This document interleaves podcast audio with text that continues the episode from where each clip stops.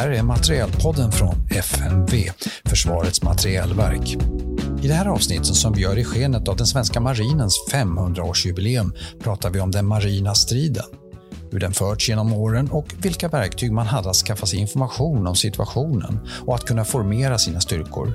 Helt enkelt hur man skaffat sig en bild av läget. Med mig idag finns professorn emeritus i militärhistoria vid Försvarshögskolan, Lars Eriksson Wolke, och Olof Bryggman som är produktledare för marina ledningssystem vid FMV. Han har en bakgrund som sjöofficer men jobbar nu med dagens och morgondagens ledningssystem. Vi ska börja med att backa tillbaka ett par hundra år. Sambanden var ju egentligen flaggsignalering, man hade ropare, alltså eh, som man använde sig av eh, och försökte ropa mellan fartygen, varierande framgång. Och sen hade man också små, eh, egentligen roddbåtar som kunde ro med budskap mellan olika fartyg, vilket för dem som rodde var naturligtvis livsfarligt under en pågående strid mellan stora örlogsfartyg. Och det här var ju det man hade att utgå från, men och då var det liksom ofta fastsatta regler för hur man skulle göra. Man skulle slåss på linjer, till exempel linjetaktik. Och då visste alla liksom, ja, men vi ska stå på den här linjen. Jag ska vara mellan de här två fartygen och skjuta i en viss riktning. Och så seglade man upp på två linjer, sköt mot varandra. En som lyckades, försökte och lyckades eh, bryta det här bokstavligt talat, det var Lord Nelson, då, den brittiske eh, amiralen som inför slaget vid Trafalgar bestämde sig för att eh, vi ska inte eh, slåss mot fransmännen på en sån här linje va, som de förväntar sig. Utan eh, han bestämmer sig för att man ska vinkelrätt segla in på linje eh, in mot den franska stridslinjen och så att säga, kliva den i flera delar. Då och därmed orsaka kaos hos fransmännen.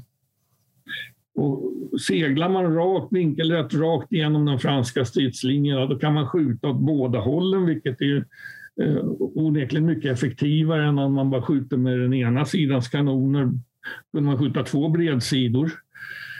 Och hur skulle han åstadkomma det här? Ja, då, då höll han ett av de, vetligen ett av de första eh, stabsmötena skulle vi kunna säga med sina underlydande fartygschefer innan striden satte igång och sa att nu har jag tänkt mig att vi ska göra så här.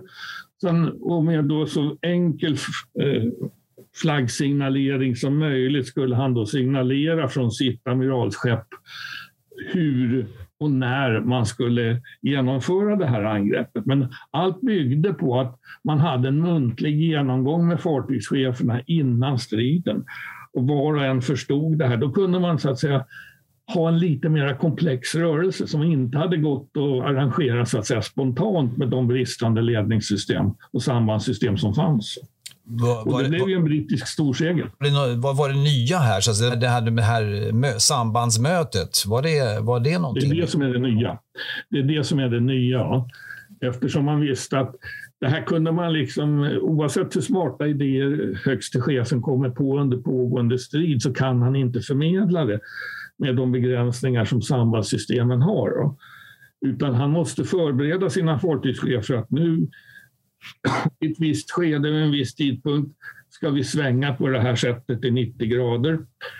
Och då ska ni, du och du och du agera på det här viset.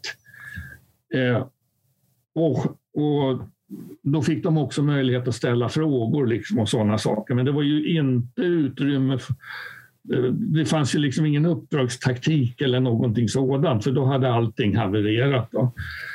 Utan, eh, men det gällde liksom att det här nytänket skulle implementeras timmarna innan slaget. Alltså fartygscheferna var beredda. Mm. Och, och givet då fransmännen, ja, de kunde ju inte de kunde göra sitt bästa att försöka reagera på det här, men de var ju inte förberedda. Och de hade ju lika dåliga sambandssystem de som britterna. Och då kunde de så att säga aldrig komma ifatt. Då. Nej, de var... När de väl såg vad som hände. Det var lite av överrumpling naturligtvis. Och sen var de bra, syn... ja. sen var de bra synkade då, britterna. Ja. Ja, precis. Ja. Just att i, i och med att de hade den här eh, ska man säga, spridda bilden eller sam, samma bild av hur man ville genomföra striden så kunde man också ha en snabbare responstid som, som överraskade fransmännen. Eh, och den var ju också mm. unik och avgörande för det här tillfället. Så att, eh, i, I och med att eh, Nelson inte visste exakt var och hur eh, fransmännen skulle löpa ut så var man då tvungen att till viss del också sprida och, och påbörja en ganska ska man säga, modern spaning. Och där var mm. också tillägget att eh, där tänkte ju britterna eh, lite nytt också i, i, sammanhanget, så att man hade ju en, en eh, förberedd signalering när någon såg eh, de, de, de, franska eh, båtarna löpa ut. Utan att man nyttjade ju inte bara flaggsignalering utan också olika former eh, som, som var lätta att urskilja på håll. Då. Så att mm. man var inte tvungen att med en liten snabbare korvett eller mindre båt då, eh, behöva segla ända fram till eh, liksom flaggskeppet och amiralen för att meddela att nu kommer fransmännen. Utan man kunde på ganska snabbt sätt vidareförmedla att nu löper de ut. Många av de här stora sjöstriderna de utkämpas ju relativt nära kusten. Va? Det vill säga, du kan göra en underrättelseinhämtning bokstavligt talat på landbacken och förmedla den ut. Då. Ehm, ville man vänta längre ut eh, till sjöss, ja då, då fick man ju ha fartygssamband. Så att säga. Vi, vi har ju ett klassiskt exempel från början på 1700-talet med svenska kaparfartyg som då försökte angripa eh, handelskonvojer som gick från framförallt brittiska hamnar, huvudsakligen London, eh, till ryskkontrollerade hamnar i Östersjöområdet. Och då ville man inte vänta till de kom in i Östersjön, även om man kunde angripa dem där också. Utan man, man hade de främsta svenska kaparna, de låg ute vid Doggers bank, alltså halvvägs ut i Nordsjön i princip. Och sen hade man då underrättelseofficerare på plats i Londons hamn och när de såg att ja, det här handelsfartyget, eller rätt sagt den här konvojen med örlogseskort är på väg ut, på väg att lätta ankar, ja, då har man snabbseglande båtar som seglar ut till Doggers bank och säger att nu är ryssarna på gång. Och så gäller det att hitta dem också naturligtvis så, till, till havs. Men det, det, det, är liksom, det är det som är grundtekniken då. Du lyssnar på Materielpodden från FMV, Försvarets materielverk. Idag om marina samband. Innan radiotekniken gjorde sitt intåg var signalflaggor ett sätt att med enkla medel kunna kommunicera mellan fartyg. Amiralen kunde då leda sin flotta under ett sjöslag. Systemet med flaggning bygger på förutbestämda signalkoder för ofta förekommande meddelanden. De viktigaste budskapen kan uttryckas med bara en enda flagga. Exempelvis “Jag ändrar kurs till styrbord”, “Jag backar” och liknande. Att skriva ut hela ord eller meningar däremot, det går, eh, men det är tidsödande. Det var mycket flaggsignalering. Det var, vad hade man mer för verktyg så att säga i sin hand för att eh, kunna sköta sambandet? Ja, det var lite som du sa där Lars, att, att eh, flaggsignalering det var ju för att, för att ordna liksom upp eh, själva linjen innan man kom så nära så att man kunde eh, genomföra de första eh, eldöppningarna med kanoner och, och för att sen gå in och, och äntra. Alltså, sjöstriden var inte så raffinerad när man väl hade kommit i kontakt med fienden. Då, då gällde det ju att mm. man, slogs mm. Mm. mm. nära. Och, mm. och, då kom man ju i den här situationen att då, då var det ju liksom löpare eller rodbåtar eller annat som, som var tvungna att skicka meddelanden. Men när man väl hade kommit i, i, kontakt med varandra så, så var det ju en, en brutal strid. Eh, man hade ju prickskyttar uppe i, i riggarna och man hade ju eh, ren äntringsstrid. Det är intressant det du sa med prickskyttar och så. Det var ju Nelsons öde också. Exakt, ja. ja. Och ska man dessutom, om man dessutom är amiral och uppträder i amiralsuniform så blir man ju ännu bättre mål naturligtvis. Ja, men precis. Det är ju, det är ju, man vill ju... Eh, man, man måste nog som amiral synas samtidigt som man blir ju en jättebra måltavla. Ja, man kan inte gömma sig heller. Det, det, det, det, är ju, man ska ju boosta moralen på något sätt. Mm. Du har ju den här klassiken med, är det Kolberger Heide? Va? 1644 med, när Kristian den fjärde förlorar ena ögat. Han, han, han, får splitter där så han förlorar ena ögat. Men han står ju upp fortfarande i kungaskrud, ja, skrud och skrud, men det syntes ju vem som var kungen. Just det. Ja. Och, och, det, och det är då vi får den här danska kungsången, kung Kristian stod vid höjen mast. Det är att man hyllar att han, han stod kvar fast han blev skadad och det var också en del av, inte sambandet, men ändå moralboosten så att säga. Ja, det blir ju en del av sambandet i och med att det är ett viktigt budskap som förs ut. Liksom. Ehm, så att, så att sjöstriden blev ju eh, mer om man säger, raffinerad ju närmare modern tid man kommer. Och då, då blev ju också behovet av en annan typ av samband och kommunikation mer påtaglig. Ehm, så att man successivt tillsammans med handelsfartygen så, så blev ju flaggsignalering ännu mer raffinerad. Men införandet av radio och morse, men också med ljudsignalering, blev ju stort. Och, och framförallt att man med, med radio kunde kommunicera långt med, eh, med fartygen. Striden, när striden väl bryter ut 15, 16, viss mån 1700-talet, men framförallt 1500-talet och in på 1600-talet, då är det ju duell mellan enskilda fartyg. Sen försöker man då ha de här långa linjerna, linjetaktiken, där man skjuter gemensamma bredsidor mot fienden. Eh, men till en början så är det ju närstrid, alltså dueller mellan enskilda fartyg. Ibland kan det vara två mot en och sådana saker, men alltså man, och, och, där handlar det ju om att äntra fiendefartyget eller att försvara det egna mot äntring. Och det är därför vi långt in på eh, eh, 1600-talet har en stor andel armésoldater, infanterister, ombord på fartygen. Man hade ju två kategorier, sjömännen som skulle föra sjö, fartyget och armésoldaterna som skulle föra striden. Sen blir det liksom gemensam funktion på flottans båtsmän i mitten, slutet på 1600-talet och framöver. Då försvinner armésoldaterna för då blir det mindre och mindre av detta med närstrid och eh, den här klassiska stormbordningen eh, och sådana saker. Beror det på vapen, eh, vapen, alltså artilleriet då så att säga utvecklas och kan skjuta längre? Artilleriet utvecklades, du får eh, kraftfullare artilleri, man får till till början hade man ju kanske ett batteridäck i början på 1500-talet. Sen eh, när vi är inne på 1600-talet, så mot slutet av det seklet, ja, då har de stora bjässarna kanske tre batteridäck. Och vi kan ta, ta ett sådant fartyg som regalskeppet Vasa som ansågs vara en av de stora på sin tid. Eh, hon sjönk ju då 1628. Hon hade 64 kanoner ombord lite olika kalibrar, men i princip 1690-talet sjösätts då eh, kung Karl som blir flottans största fartyg. Hon har 108 kanoner. de största brittiska, franska och holländska de är uppåt 130 kanoner kanske. Och, det är då, och då blir de ju större också. Det blir flytande artilleriplattformar mer och mer. Samtidigt som man ehm, ändå någonstans också uppenbarligen förstår att om man nu har dueller mellan fartyg på det här viset i den här linjetaktiken så kan man hålla på ganska länge och hamra på varandra utan att man når framgång.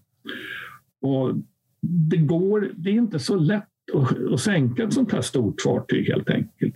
Hur mycket man än träffar. Om man inte träffar vid vattenlinjen eller sådana saker. Utan det, det effektiva egentligen i den typen av sjöstrid, det är ju att det behöver inte ens vara så att kanonkulan går igenom bordläggningen.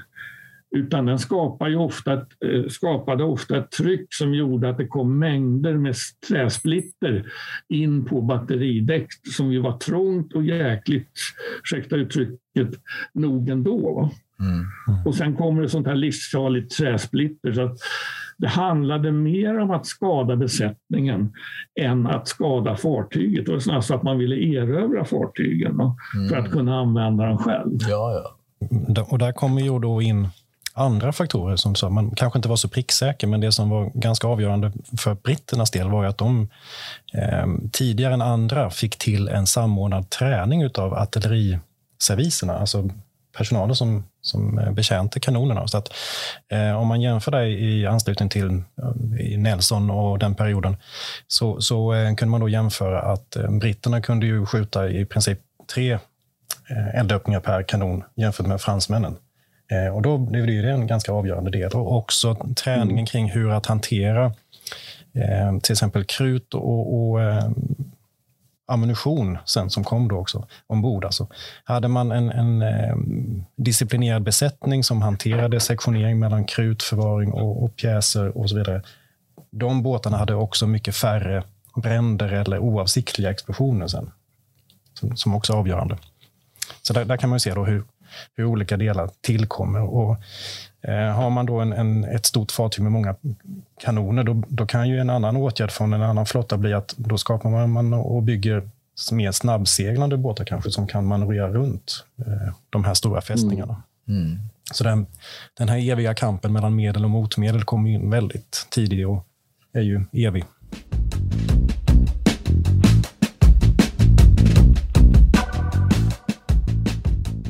Här är Materielpodden från FMV, Försvarets materielverk.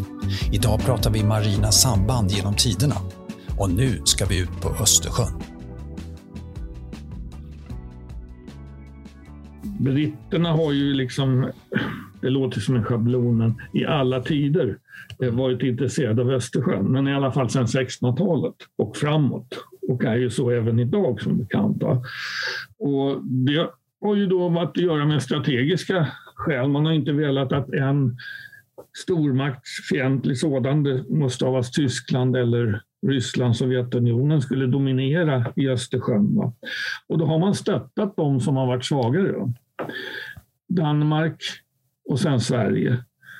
Så att eh, Sverige är ju då i, under stora nordiska kriget, när, början på 1700-talet, när eh, ryssarna härjade längs östkusten sommaren 1719 till exempel och brände bland annat Stockholms skärgård. Då.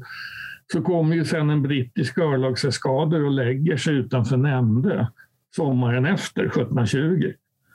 Och, då, och de, är, de är liksom bara där och samverkar med svenskarna, eh, har en del diskussioner och så, men de säger ingenting till ryssarna, de bara finns där. Då. Men budskapet är ju såklart i alla fall. Va? Att inte komma tillbaka en gång till. Ryssarna, eh, britterna är med under kriget 1808-1809 som i och för sig då var en katastrof för Sverige när vi förlorade Finland.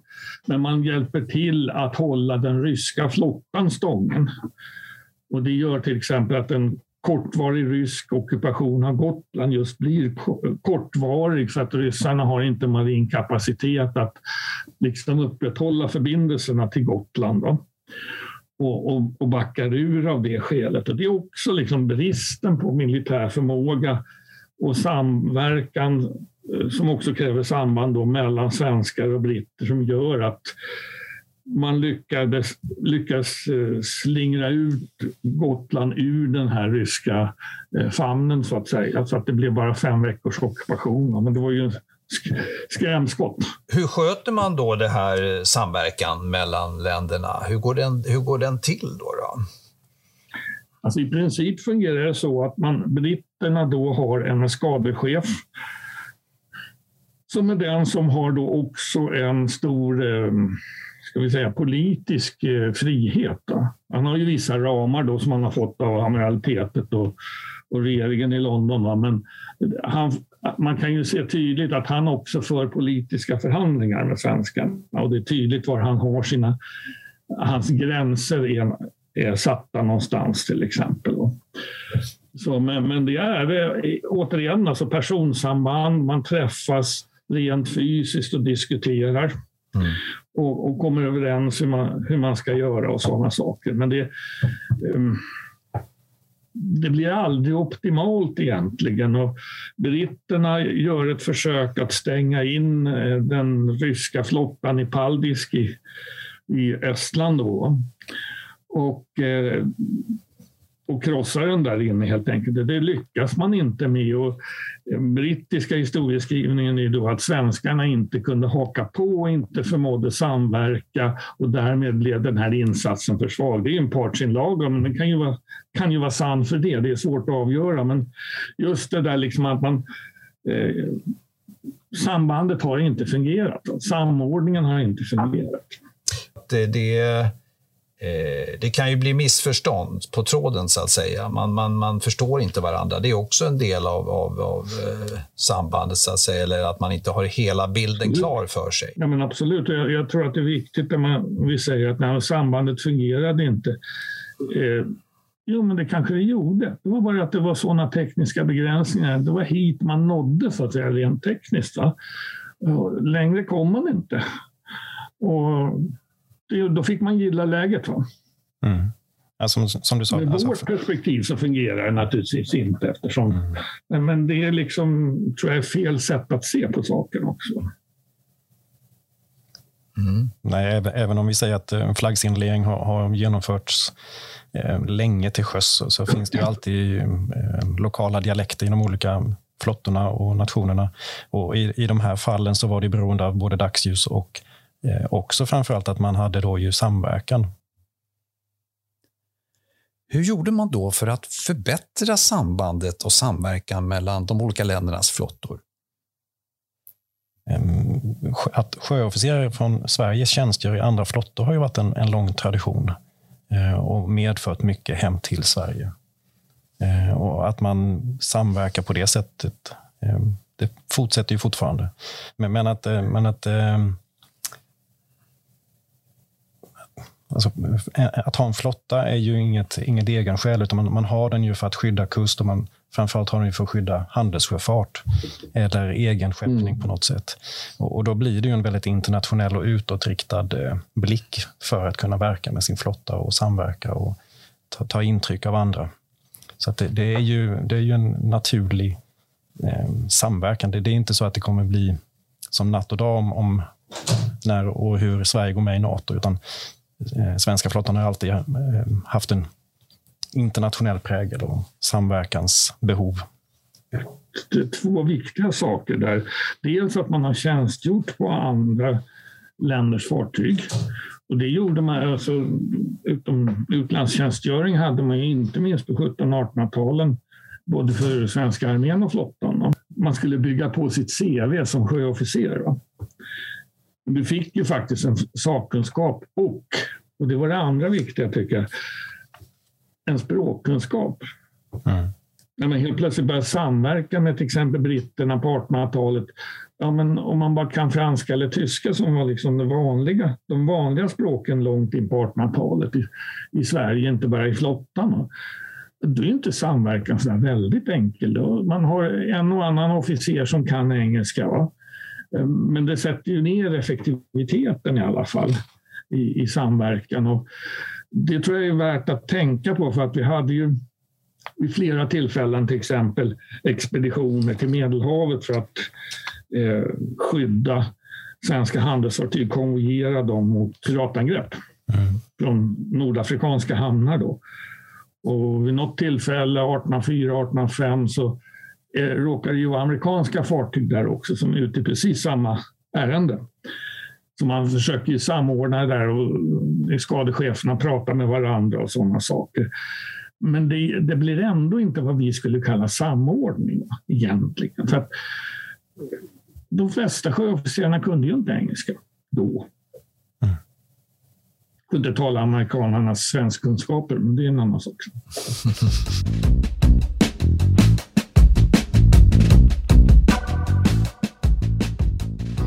Det här är Materielpodden från FMV. Eh, flaggsignalering var alltså länge det viktigaste sättet att sköta sambandet mellan fartygen.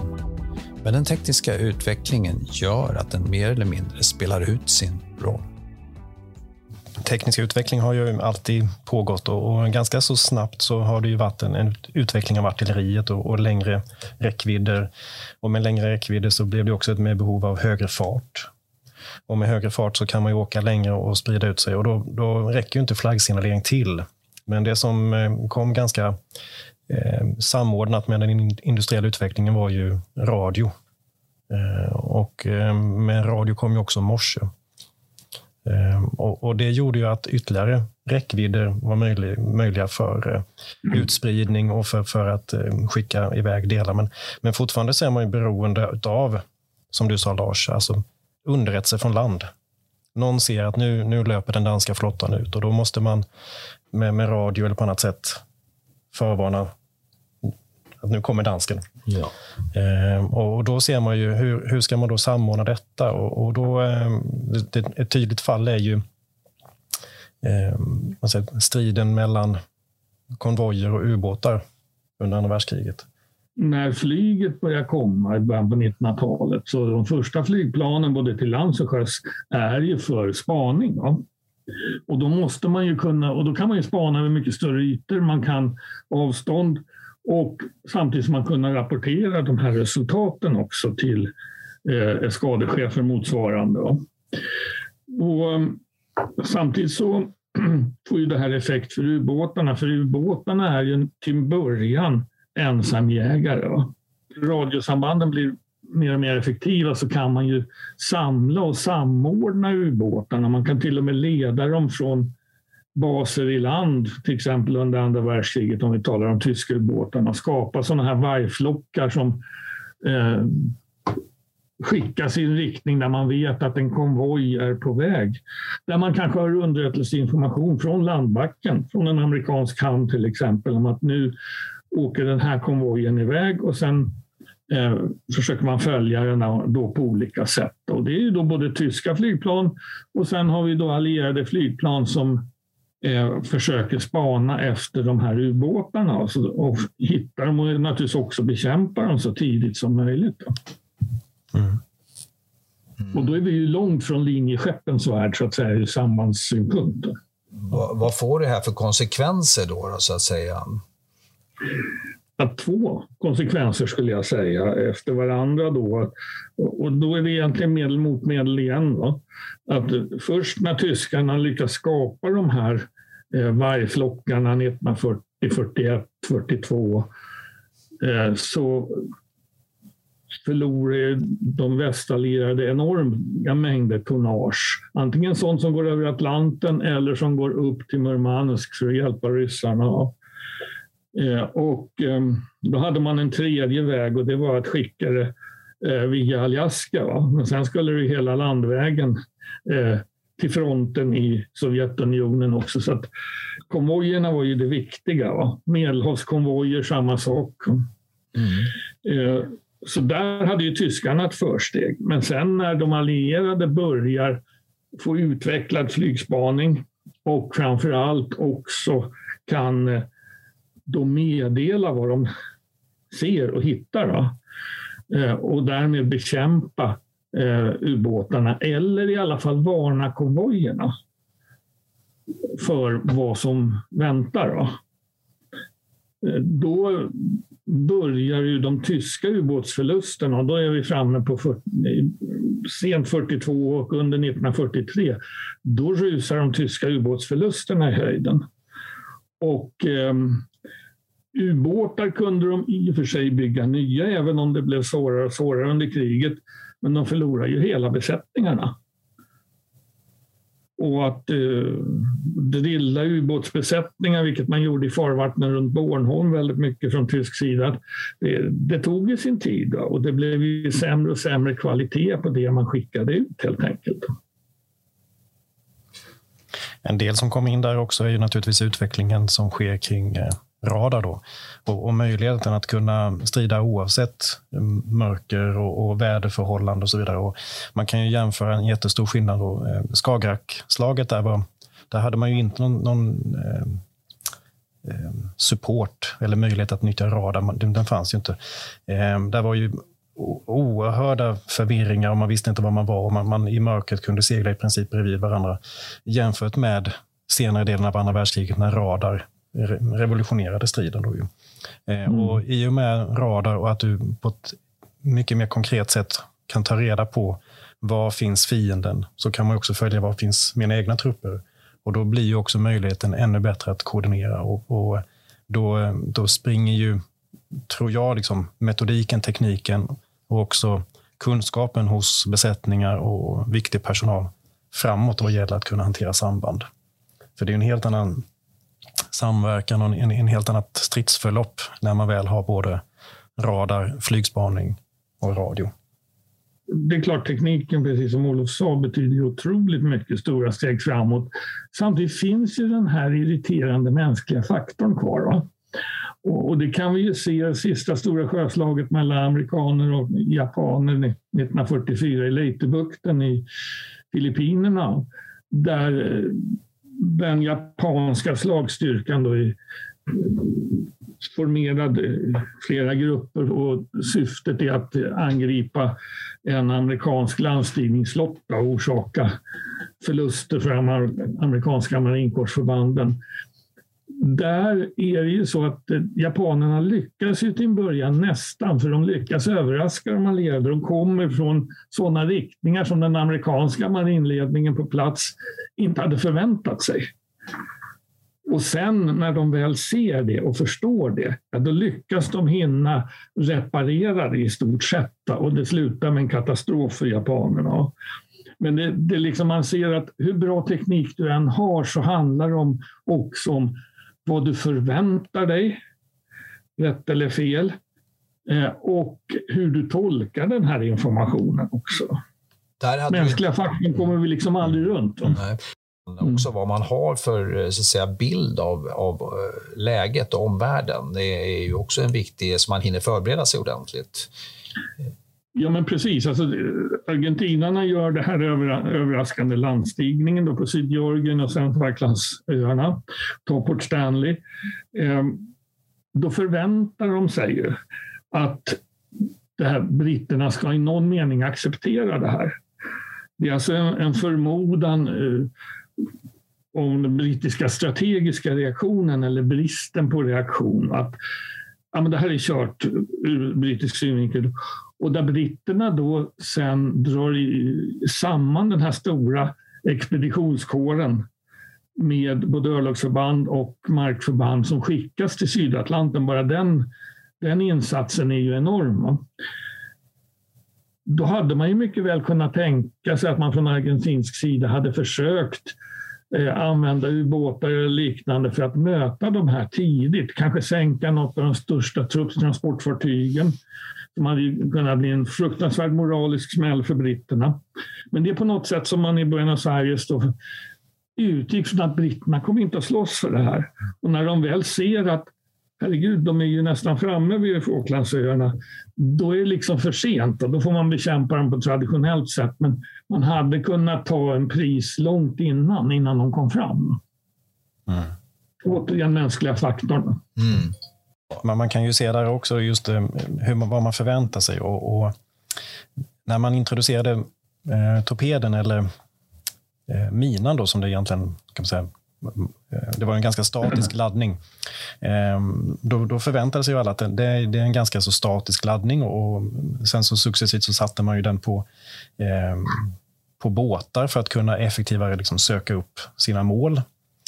Då blev det en, en revolution när den fick en egen motor och blev en torped. Det var ju en jätterevolutionerande sak. Eh, och många sådana exempel finns ju i, i historiken där man gör någonting tekniskt för att överrumpla eh, ska säga, motståndarens förväntan eller eh, förberedelser. Och, och eh,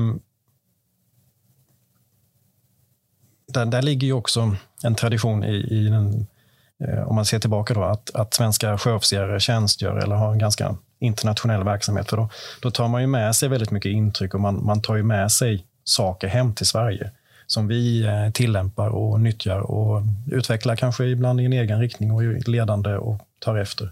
Den traditionen finns ju och det, det finns ju på många sätt. Vi, I Sverige var ju eh, till exempel en av de flottor som ganska tidigt byggde ganska många monitorer eh, efter eh, att det blev en, en, eh, en revolution i sjöstriden i inbördeskriget i USA. Man hade ju börjat bepansra båtar successivt i och med eh, att man utvecklade granaten. Kanonkulan började man ju fylla med krut och så vidare. Och en, en motåtgärd blev ju då att ja, man kan segla fortare, men man kan också börja skydda sina båtar med, med pansar. Och monitoren, eller monitorerna var ju då en, en revolutionerande design. att man, eh, man sänkte ju ner skrovet och hade egentligen en, en eh, roterande ton på. Och på så sätt kunde då få ner vikt. Man hade en eller två kanoner, men de kunde man ju rikta åt alla håll. Då. Mm. Och framförallt kunde man så att säga positionera sig med hjälp av ång, ångmaskinen så att säga på ett annat sätt också. Ja, den, den var inte... Det var inga höga hastigheter. Men, men eh, du kunde ju då i amerikanska inbördeskriget framförallt, du kunde ju strida i eh, floder och deltor, eh, deltan. Och det var ju också en, eh, en stor ska man säga, skiljelinje mellan eh, segelfartyg och ångfartyg. Att med ångfartyg så blev du inte beroende av vinden. Och du kunde på ett helt annat sätt gå in och, och strida rörligt i trånga utrymmen. Mm. Tidigare så var ju eh, ett, ett segelfartyg var ju eh, väldigt sårbart om det hade gått in nära hamn eller så vidare. För att använda eh, brännare, att man liksom lät brinnande fartyg driva in mot i princip eh, svårmanövrerade segelfartyg var en väldigt effektiv åtgärd tidigare. Eh, med ångfartyg så kunde du ju köra ifrån en brännare mm. på ett annat sätt. Mm. Precis. Men, men jag tänkte på just det här när, när det kommer ny teknik då, som när, när det blir ång, kommer in ånga i, i, i, i eh, marina örlogsfartygen eh, och när det, när det kommer ny teknik. Hur, vilka är snabba på att eh, ta till sig de här nya teknikerna som kommer? Vilka är bra på det och, och hur gör man? Så britterna är ju tidiga. Eh, Sverige är ganska tidigt. Eh, och vi har Motala verkstad till exempel eh, som utvecklas eh, i eh, mitten på 1800-talet.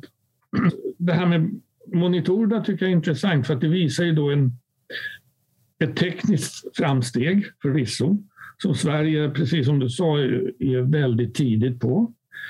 Och där kan man ju fundera på vad är det som är lockande? Är det den nya tekniken eller är det att det är en svensk, Jan Eriksson, som har utvecklat det här? Alltså, den aspekten tror jag inte vi ska glömma, för han, blev, han var stor i Sverige också då, även han jobbade i USA. Mm. Och tittar man på de här monitorerna, ja, de kunde ju gå kustnära. Men de kunde ju inte segla ut till havs ens i Östersjön.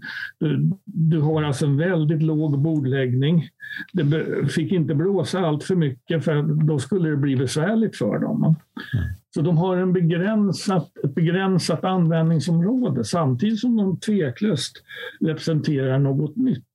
De kom nog in väldigt perfekt för att eh, svenska flottan hade ju haft en period när det, det var ont om pengar helt enkelt. Och, och mm. Då hade man ju svårt att börja bygga nya fartyg, utan man fick ju leva med de segelfartyg man hade och hade ju en ganska förlegad flotta länge. Eh, och, och, just när monitorerna kom, det, då kom pengar och det var lagom stora båtar att kunna mm. bygga. Så att, ser man den reflektionen så handlar det om att man, man ska ju ha pengar rätt och inte på något sätt binda sig för mycket i en teknik som plötsligt blir förlegad. Så i, i samband här med liksom industriella revolutionen hände ju jättemycket och, och många hade ju investerat stora pengar i eh, till exempel segelfartygsbyggen eller andra delar. Och, och det finns ett exempel när man, jag tror det var i eh, Österrike någonstans, att man hade ju byggt en jättestor industri, jättestor fabrik för eh, det som då var väldigt moderna gevär. Men eh, på en ganska kort tid så, så revolutionerades ju gevären eh, avseende både räffling och bakladdning. Och när fabriken invigdes så var de här gevären omoderna, både i räckvidd och, räckvidd och i eh, träffsäkerhet och eh, laddningshastighet. Så att, där, där ser man ju hur, hur viktigt att ha en, en, snabb och det man säger idag en, en agil förmåga att anpassa sig till mm. den tekniken som är. Då. Och Det är ju nog då, det, det som man måste titta framåt. Hur ska man hantera detta så att man inte fastnar i stora investeringar eller stora delar och en, en struktur som motverkar en utveckling? Men där kan vi ju se, just om vi återvänder till det här med sambandsmedlens utveckling, hur det får effekt i ett vidare perspektiv. Att när det här börjar komma nu runt sekelskiftet 1900, väldigt runt då, med radiosamband och så, så eh, i de stora sjönationerna, ja, då bygger man de stora slagskeppen, de riktigt stora artilleriplattformarna. Eh, I Sverige bygger vi pansarskepp som är slagskepp light och i någon mening. Som eh, ska vara snabbare än fiendens, det vill säga ryssarnas slagskepp, men eh, eh bättre bestyckade än övriga eh, eskortfartyg på den förmodade ryska invasionsflottan. Det var grundtänket. Då. Eh, sen eh, har vi en unionskris samtidigt med Norge och krigsplanläggning från båda sidor. Norrmännen har ju inte råd med pansarskepp, även om de sen bygger ett par stycken. De satsar ju då på torpedbåtar för att snabbt slå till mot de större svenska fartygen. Då. Det vill säga rörelse eller eld. Då. Och där rörelsen för norrmännen är också ett skydd. Då. Och hur får man tag på de här torpedbåtarna? Ja, då måste man ha några som jagar dem, det vill säga jagare. Och det är en internationell utveckling. Och då får vi flera olika komponenter och där måste, bygger ju allting på att det är samband mellan de här olika fartygen och fartygstyperna. Alltså man får liksom system av system om man så vill. Då. Och det hade inte gått på samma sätt om det hade, inte hade funnits radiosamband.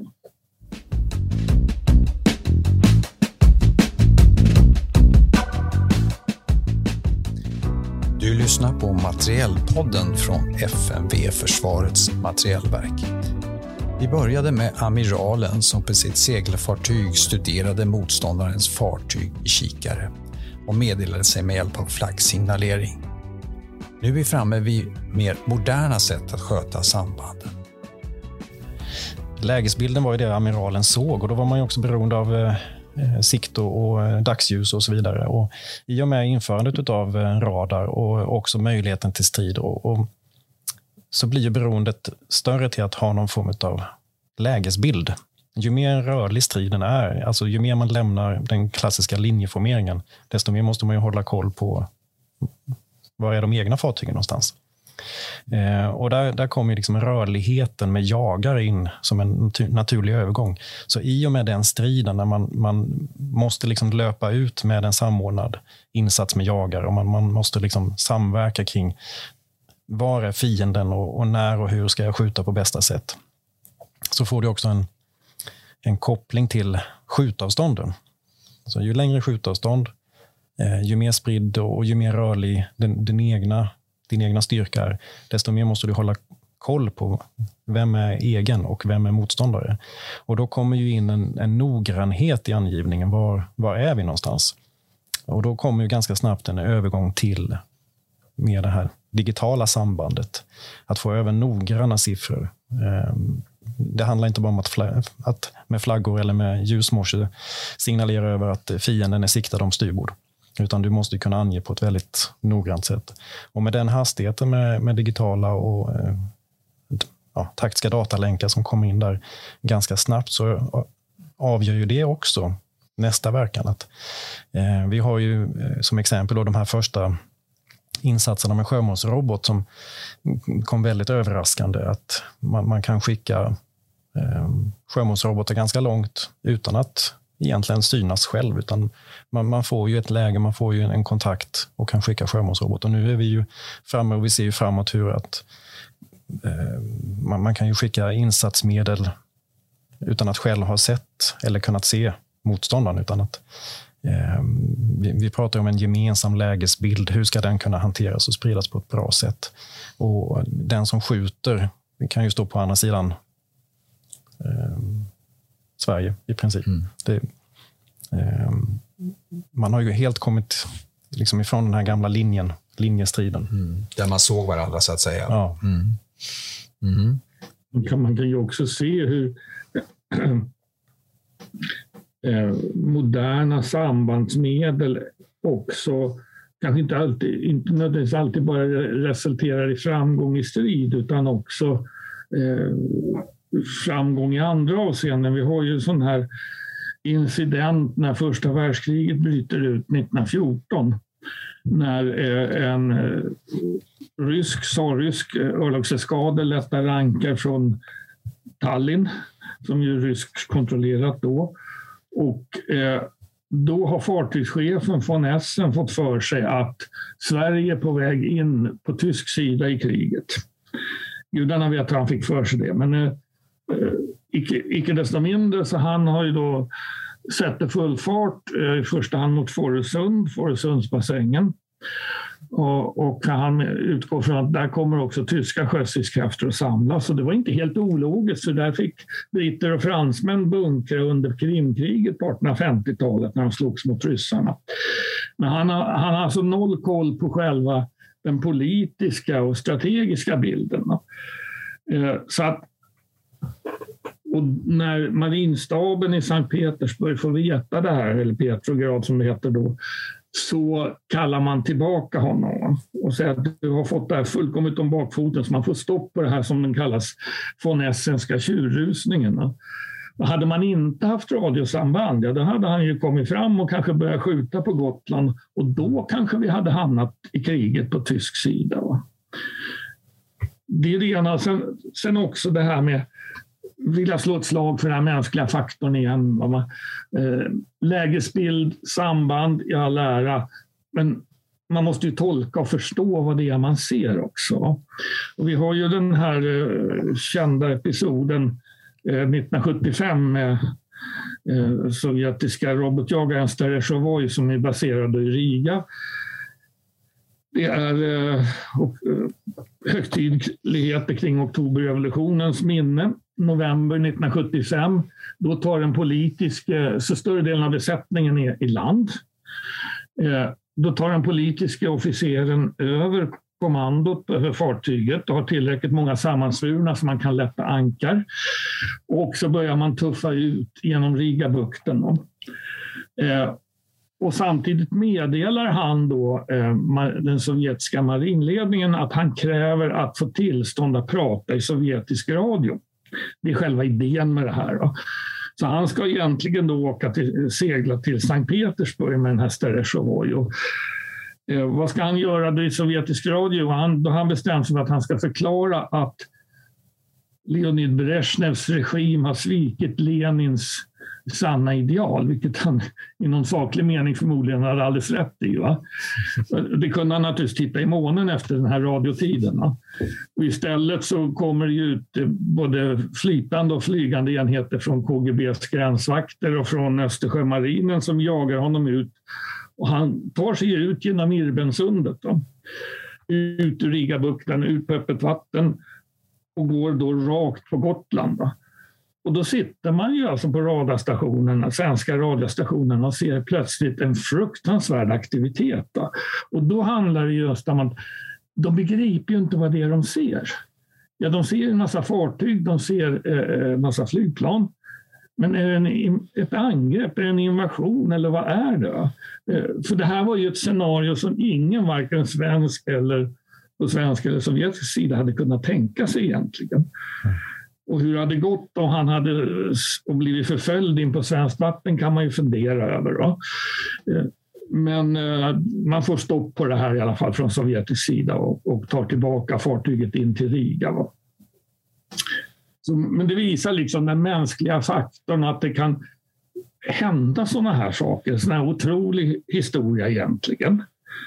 Eh, som den här då sant leninistiske sjöofficeren. Mm-hmm. Och den är ju då liksom för, eh, ska vi säga, för eh, oförutsägbar. Mm. Det, det görs ju som bekant en film på det här. Då. Eh, Jakten på röd oktober med Sean Connery i huvudrollen som fartygschef. Och han är ju då som ni förstår inte leninist utan han vill ju då slåss för ett demokratiskt Sovjetunionen. Så Hollywood skruvar ju det här ett antal grader. Då. Mm. Eh, men, men det, för då blir det en bra, bra berättelse som passar under, eh, under kalla kriget. Mm. Att, men hela tiden, liksom, oavsett teknik, så att tolka det du säger mm. eller ser och det du tror dig se. Och så har du förväntningar hela tiden. Det är liksom på något sätt den röda tråden tycker jag. Antingen vi talar radiosamband eller flaggsignalering eller vad det än är. Alltså, och det är väl någonstans kanske också lugnande att den mänskliga faktorn, den mänskliga dimensionen finns där hela tiden. Tekniken tar inte helt överhanden. Nej, Nej det, det, det är det du menar här. Ja. Hur avancerad teknik vi än kommer att få i nu eller i framtiden så, så behövs det en mänsklig tolkning och ja. eh, begriplighet så att säga. Ja, att man, man, man, kopplar på alltså underrättelser. Underrättelser har alltid varit viktigt och kommer alltid vara. Och I och med då mm. att vi förlitar oss väldigt mycket också på någon form av datalänk och, och eh, informationsspridning så blir ju det också en källa för underrättelser. Så att, att övergången till cyber, att hantera cyberförsvaret, att inte avslöja sin, sin förmåga, sina signaler, sin, sin information, eh, eller var man är någonstans, alltså rent signalspaningsmässigt, blir också än mer viktigt. Och att kunna inom den egna eh, styrkan hantera underrättelse och tolka och sprida på rätt nivå och på rätt sätt. Det, är ju fortfarande och kommer nog alltid vara en, en, en avgörande del. Så att mm. Eh, har du rätt underrättelser så kan du fortfarande slå en överlägsen styrka. Så med rätt underrättelse så, så kan eh, alltså räckvidd på, på vapen eh, vara en underordnad del. För just som du sa där Lars, att med rätt underrättelse och med rätt vägval så kan du göra någonting som motståndaren inte förväntar sig. Vi pratar lite om det här med medel och motmedel. Kommer det här alltid att fortsätta, skulle jag vilja fråga er? Ja, och kanske ännu fortare. Det tror jag. Mm. Mm. Hur, hur... Ja, det är svårt att se något annat. Det har ju funnits hela tiden medel och motmedel och hur effektiva olika medel har ansetts vara. Så förr eller senare dyker upp ett motmedel i någon form. Underrättelser är en sak. Man, ska, man behöver veta vad, vad, vad andra gör så att säga och så man kan vara beredd. Eh, men vad, vad, är det så att säga i ett samhälle som gör att man, man, man är, inte blir akterseglar så att säga? Vad, vad är det för förmågor man ska ha för att tänka rätt? Jag skulle säga att man har en, och det är alltid lätt att säga, men en intellektuell öppenhet. Att eh, även om man rätt eller fel anser sig sitta på ett system, en förmåga som är eh, outstanding så att säga. Va? Att man också tar, sätt, Eh, inte slappnar av utan granskar den kritiskt. Hur kan man försöka se det här ur en motståndares synvinkel och därmed försöka förstå vad är det för motmedel som skulle kunna tänkas komma teoretiskt. Och då, men då är det hela tiden den tekniska nivå, frågan. Samtidigt, sen är det ju också då också en, en den här mänskliga faktorn. får, vi var inne på det här med eh, Argentinarna och Falklandskriget. Jag tittar på eh, den här riktigt klassiska Pearl Harbor 1941 när japanerna liksom drar igång detta anfall på den amerikanska Stilla havsflottan i akt och mening att knäcka amerikanerna moraliskt. Då. Och, och orsaka så stora förluster att de liksom accepterar Japans strategiska önskemål. Och de röster som då sa, inklusive den japanske marinchefen, sa att det kommer att bli motsatt effekt. De lyssnade man inte på. Man var så blockerad. Mm. Och då är vi tillbaka till den här mänskliga faktorn, förståelsen för hur den andra kan agera eller reagera det, det är himla lätt att säga, men icke desto mindre väsentligt också i sammanhanget. Man kan dra en parallell till eh, Ukraina-kriget och, och, och, så. Det var väl, eh, Ryssland hade väl inte förväntat sig eh, det motståndet och så vidare, så att man hade inte rätt bild där. Nej, och det, det man har gjort jämförelser med ryssarnas inte helt glänsande uppträdande under finska vinterkriget, i början i alla fall. Eh, och alla som iakttog finska vinterkriget, inte minst tyskarna, gjorde bedömningen att så här usla är rys ryssarna. Vilket de inte, ja då var de ju i någon mening, men eh, de slogs ju ändå oerhört hårt eh, när Tyskland sen invaderade Sovjetunionen. Och man, man förstod inte liksom att de slåss på ett annat sätt och med en annan eh, uthållighet när de försvarar sitt eget land. Då. Så att, eh, och sen ska man ju komma ihåg att även i denna järnhårda diktatur där ingen, Sovjetunionen alltså ingen egentligen vågade ta egna initiativ, så hölls det månaden efter freden i mars 1900 40, alltså i april 40, så hade man ju några seminarier, får vi kalla det, med Stalin närvarande i Kreml där man gick igenom vad var det som gick snett. Och så vitt man förstår var det för, för sovjetiska förhållanden förhållandevis öppet. Då öppna diskussioner, att man ändå försökte eh, komma åt grundläggande problemen. Sen lyckas man förvisso inte fullt ut. Men eh, det, det, är så lätt att man övertolkar, men ty, tycker någon är så, så dålig så att det, så drar man slutsatser utifrån det som i, inte är relevanta i alla lägen. Och, och en, en, annan aspekt är, som vi kanske inte har sagt här heller, att den som är mest framgångsrik i, ett sjö, i någon form av sjöstrid, det kanske är den som inte ens kommer i strid, utan att man lyckas binda upp den eh, motståndarens resurser på ett effektivt sätt. Det är ju just mm. hur, hur, hur, man ska hantera resurser på ett, på ett sätt. Eh, som exempel som eh, tyskarna då band upp otroliga mängder eller resurser för de allierade under andra världskriget i att eh, skydda eskorter, konvojer. Bara genom hotet från eh, den tyska flottan eller de tyska ubåtarna. Och då är vi inne i det här klassiska fleeting being, alltså blott att förekomsten av ett hot va, räcker för att eh, binda upp resurser och skapa problem för den andra sidan. Mm.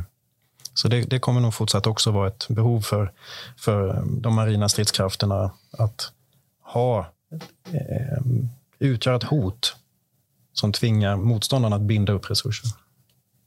Så, så samband är, är fortfarande viktigt och kommer alltid vara viktigt. Hur, hur, får du in sambandet där med det här med eh, med det här med att binda upp resurser. Där. Jag, jag kopplar inte det riktigt. jo, därför att ju, ju noggrannare du vet vad motståndaren är och ju snabbare du kan förmedla någon förändring eller någon, någonting som händer, desto mer exakt eller mer noggrant kan du bemöta den motståndaren. Så att du slipper binda upp dina egna resurser, kanske då i onödan, eh, i, i efteranalysen. Återigen, du har den rätta bilden helt enkelt. Ja.